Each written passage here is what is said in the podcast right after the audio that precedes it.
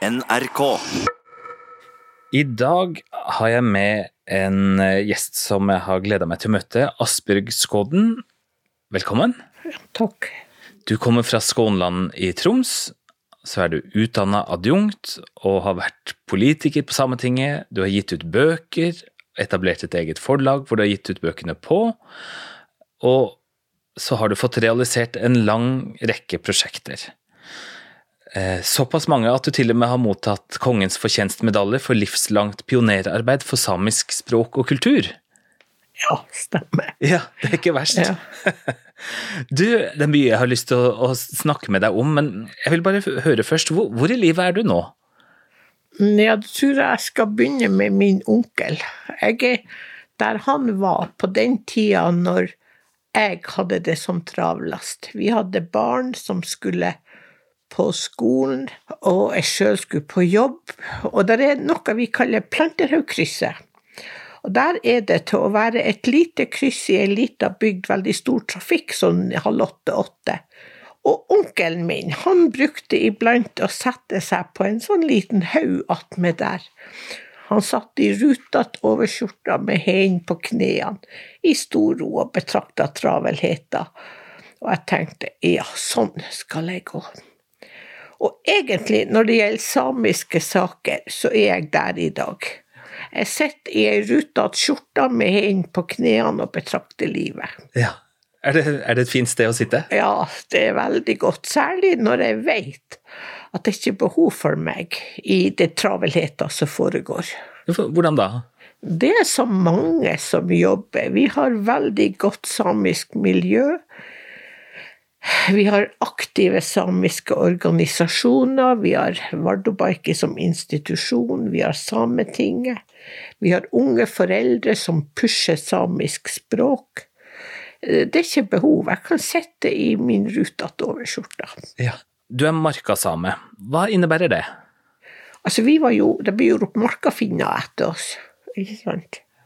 Men vi er jo markesamer. Vi er, har bosatt oss i det som blir de markebygdene i dag. Vi er avskallinger etter den gamle reindrifta, og vi har litt fått med oss genene fra den gamle sjøsamiske bosettinga som er i området, selv om de ikke vet at de er der. Vi er markesamer.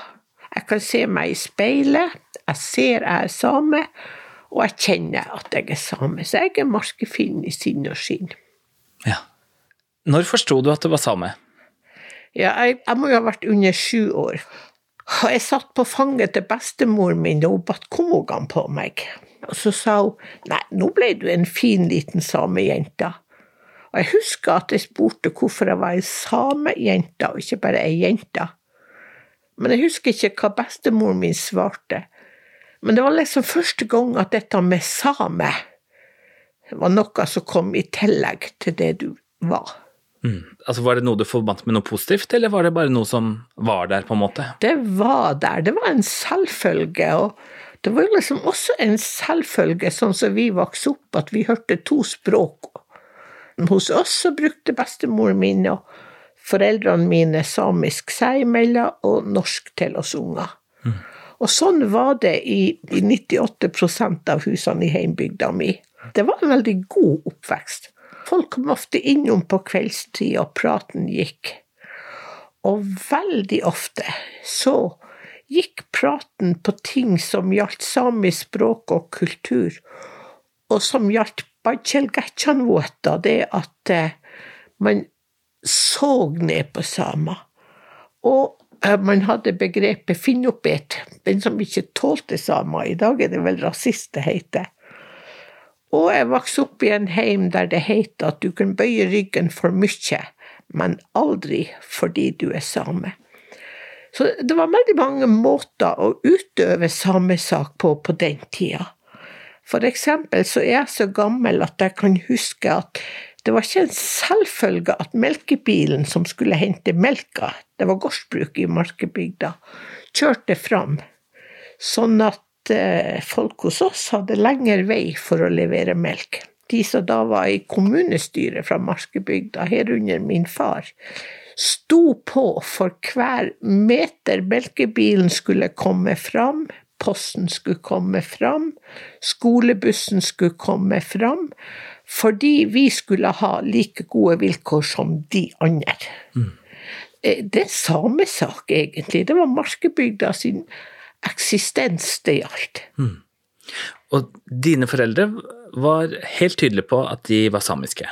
De var veldig bevisst på det at det var lett å være same i Markebygda, men de var også samer i sentrum. Og, og far min var berykta fordi han var same på lofotfiske og finnmarkfiske. Og det er ikke så veldig mange år siden det kom en mann på min alder til meg i en begravelse i et minnesamvær og sa at jeg har lyst til å fortelle deg noe om far din som jeg tror du ikke vet.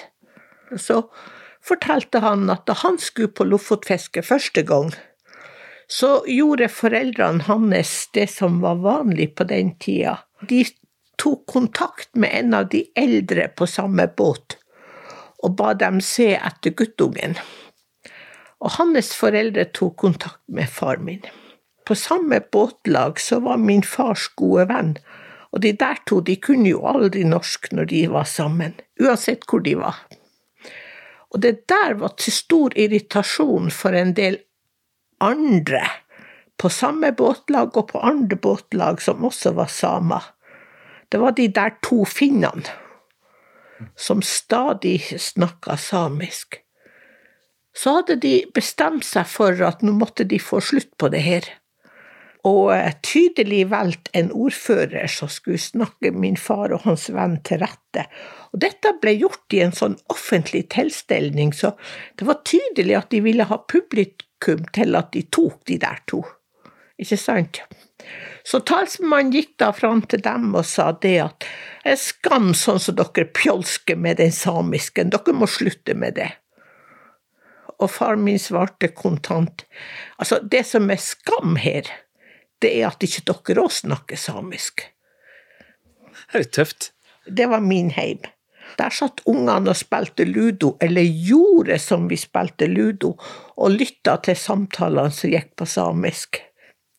Vi hørte så mye, og vi lærte så mye. Og vi visste alt unger ikke skulle vite, fordi vi var den første norskspråklige generasjonen. Og foreldre trodde at når vi sjøl brukte norsk, så forsto vi ikke samisk. Oh, ja. Så vi hadde en gullalder, vi visste alt. så foreldra dine visste ikke at du skjønte samisk? Nei, jeg tror det gikk en del år før både de og andre voksne skjønte at de her norskspråklige ungene deres fulgte med i det som skjedde. og jeg var blitt tenåring da jeg liksom tenkte at ja, men jeg må jo kunne, altså, jeg forstår jo alt, jeg må jo kunne bruke samisk, jeg, og, og prøvde meg på det. Og jeg hadde sett noen sånne hunder som sprang over en haug, jeg var vel en 12-13 år. Så kom jeg og skulle fortelle det her på samisk. Og for hvert ord jeg sa, så hørte jeg at det var feil. Og faren min han satt i stor ro en stund, og så sa han jeg går og spiser kveldsmat til du blir ferdig. Mm. Liksom, for jeg fikk ikke laga den setninga. Men det her prøvde du å gjøre noe med seinere, for du, du, har jo tatt flere samiskkurs? Ja, da jeg begynte på lærerskolen, da ble det tilbud om, om samiskopplæring for samer. Og jeg heiv meg jo med i stor optimisme, for det var jo saken for meg. Men eh, mine medelever, de var fra Karasjok, Kautokeino og Tana, de kom alle fra den samiske folkehøyskolen. De snakka samisk flytende. Jeg klarte ikke å forstå dem når de snakka seg imellom. Og jeg tror jeg holdt ut i tre uker, så ga jeg opp. Mm. Altså, jeg satt og var skoletaper i ja. tre uker. Og jeg, det er en erfaring som satt så djupt at jeg har fortalt om det, men jeg, jeg, klar, jeg klarer ikke å spøke med at jeg ble skoletaper og ikke forsto. Fordi på en eller annen måte så fratok det meg noe jeg er same, jeg forsto alt som skjedde hos oss, jeg hadde et samisk hjerte. men jeg tapte. Var det en form for hierarki? Opplevde du det? Nei, det gjorde jeg ikke. Jeg kom fra et område der jeg jo Jeg hadde jo visste jo at det var samer i Finnmark, men jeg hadde ingen Jeg hadde noe kontakt. Jeg hadde ikke hørt samisk andre steder. To år seinere så begynte jeg på samisk for norsktalende. Der var vi en stor gruppe som begynte. Jeg tror det var en 17-18, og etter et par måneder var vi tre. I ettertid så vet jeg at de andre som forblei, også var samer fra sjøsamiske områder.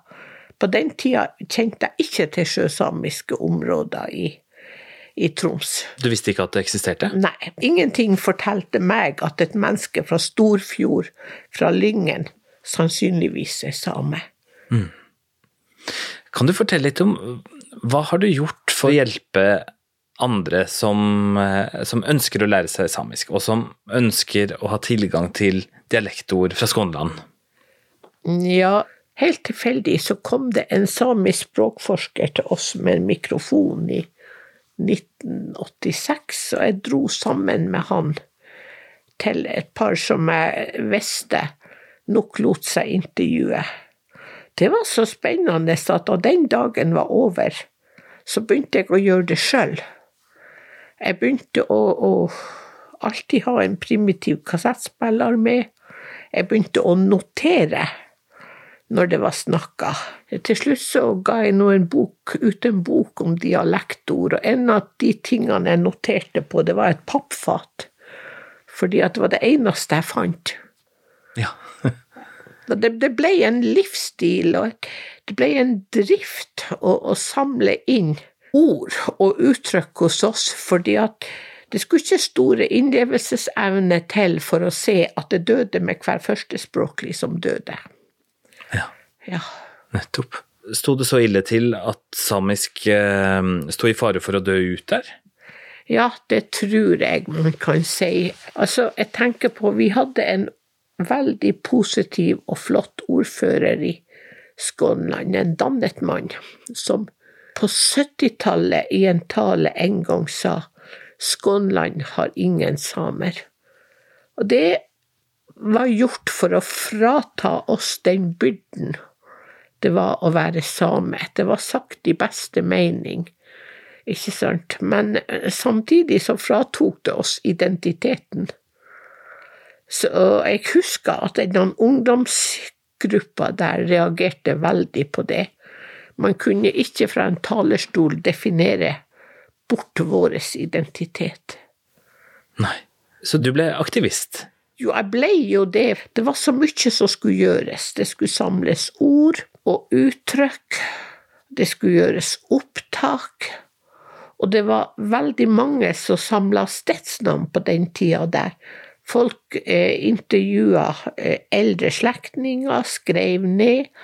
Det var mye som lå i skuffer og skap. Og det var også veldig mye som burde bli offentlig. Den eh, ordinnsamlinga er jeg egentlig veldig stolt av, fordi at den, den eh, Hvis det er lov å si det I 1987 begynte samisk som andrespråk i Skånland plutselig. Og jeg hadde alltid tenkt, jeg var engelsklærer, at den dagen jeg kanskje skulle rope på elevene på samisk at de skulle komme inn, vi hadde ikke skoleklokke i Morskebygden. så ville jeg ikke klare det, for jeg skulle gråte først, tenkte jeg. Så starta det plutselig, og det ble så travelt at jeg rakk ikke å gråte. Og vi brukte å presentere en gang i vekka samiske fortellinger fra vårt område. En del av de fortellingene er jo nå blitt barnebøker. Og det førte også til at jeg ble nødt til å enda litt fortere samle inn, for at jeg innså at jeg kunne for lite. Jeg måtte prøve å skaffe mer stoff og fortellinger om de forskjellige emnene hos oss. Så når jeg sitter i dag med knærne hen på knærne i ei ruta overskjorte, så, så tenker jeg med glede på de lokale emnene vi hadde, og på de rundene der vi dro ut for å møte gamle folk som veldig gjerne tok imot unger og fortalte. Jeg ser på det som en veldig god tid. Ja. Det materialet ble gjennomlytta, og så ble det laga register som gjorde at det var veldig lett å finne. Band nummer 41, side 2, spor det og det, omtaler den og den det emnet. Mm. Men der er, er, jo da også emner som nok kunne vært brukt, som i dag ikke lar seg gjøre fordi det brant hos oss. Nå har vi det som en av sønnene mine kaller for Vi har hovedtrekkene fordi det var gjennomlytta og laga stikkord, men vi har mistet nyansene. Det forsvant i brannen? Ja, det forsvant i brannen. Kan du beskrive brannen? Altså, man vet jo aldri når det begynner å brenne, men det var jo en veldig fredelig lørdags ettermiddag.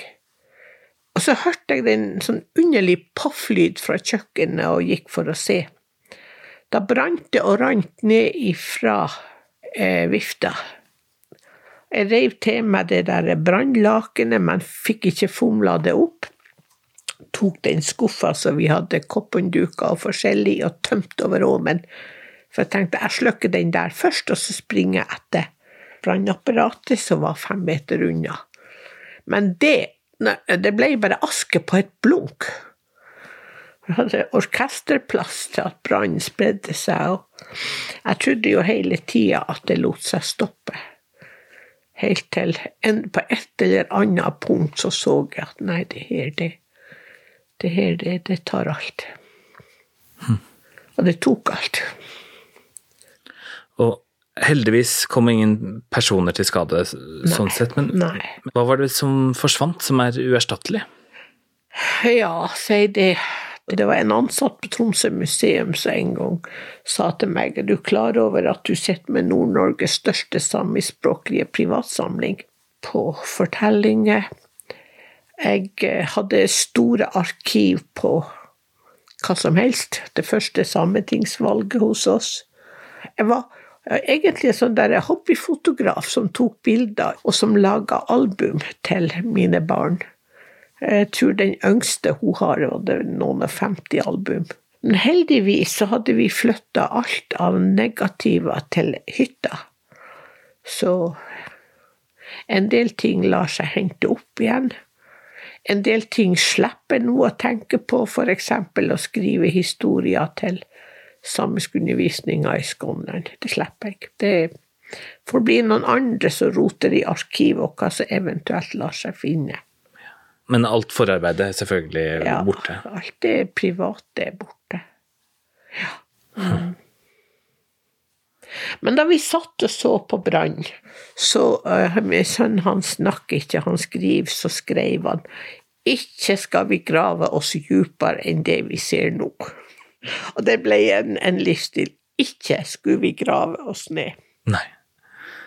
Livet er jo egentlig sånn at det, du går jo ikke på topper hele tida. Du, du må iblant ned i de uventa dalene. Og til kommunen hadde dratt sammen til et kriseteam den lørdagskvelden. Men det var en samisk sykepleier der, og når de tok opp dette med med krisepsykiatri, så sa jeg nei, det trenger vi ikke. Vi, vi trenger mat, vi trenger litt klær, og vi Jeg har bedt broren min å sette på varme på gammelhuset som sto tomt. Så det skal gå bra. Da snudde hun seg til en av de andre, og så sa hun Jeg sa jo det. Det er sånn i bygda. Jeg må spørre deg, for jeg har, jeg har aldri fått noen utmerkelse fra kongen. og aner ikke hvordan det kjennes. Men det har jo du. Du har fått kongens fortjenstmedalje. Ja, ja. Hvordan var det å få den utmerkelsen? Nei, altså Jeg fikk telefon fra ordføreren på tirsdag før det brant. Da ringte hun og fortalte det. Jeg ville trodd det var en grov spøk, hadde jeg ikke kjent stemmen hennes igjen og sa at eh, jeg var tildelt den, og at hun skulle gi den, utlevere den, på kommunestyrets julemøte i desember. Det var merkelig rart, altså. Jeg husker at jeg sendte en melding til de her to i Tromsø og sa ta med dere koften og kom hjem 6. desember. Jeg synes jeg var innmari viktig at de var med, fordi de hadde måttet vokse opp med en aktivistmor. Så skal de også ha gleden av å være med når, når det ble tildelt. Men så brant de hos oss på lørdag, altså da Da eh, drukna det. Men det som var veldig flott, det var at en gjeng kvinner heiv seg rundt, og i løpet av en god uke så hadde jeg kofte og lukka og sjal og alt som skulle til. Det å, å få eh, den utdelinga der, det tok brodden av det. At vi var den der stakkars familien som mista alt, ikke sant. Det tok spissen av den. Ja. Men det å få en sånn type anerkjennelse, altså, da tenker jeg ikke kun for deg som person, da, men at en person som har bidratt eh, til å fremme samisk samfunnsliv, eh, får den type anerkjennelse fra, fra kongen, det, det, er jo viktig? Det er veldig viktig, og, og jeg tror det som er også viktig, det er at det finnes sikkert tilfeller der en, ett menneske kan gjøre ting alene som gjør at du får får en sånn oppmerksomhet, men du, i sånne tilfeller kan du ikke det. Du er avhengig av at vi hadde et lokalsamfunn, et lokalsamfunn med stort kunnskap, der veldig mange var villige til å dele, og at du også var en gruppe som ville ville gjøre noe, fordi det er ganske hardt når du er ung å se at det samfunnet som du er glad i, som har store kunnskaper, som du har stor respekt for, ikke tilskrives den verdien det burde bli tilskrevet. Så ja, det var godt. Så i den um, takketalen så trakk du fram et veldig uh, spennende lite utdrag fra Schopenhauer. Ja, jeg bruker å trøste meg med det i mange settinger, ikke bare i den samiske. Altså det der med at sannhetene går gjennom forskjellige stadier. Den går i første stadiet der den latterliggjøres. Og den kjente vi nok veldig godt på kroppen da, da eh, barn, det første barnehageprosjektet ble etablert. Samisk undervisninga starta da, da ble det latterliggjort og, og litt håna med, og man kunne håne ja, de tar på seg kofta, men samisk kan de ikke, og så videre. Ja, og så får du et sånt stadium der du blir motarbeidet.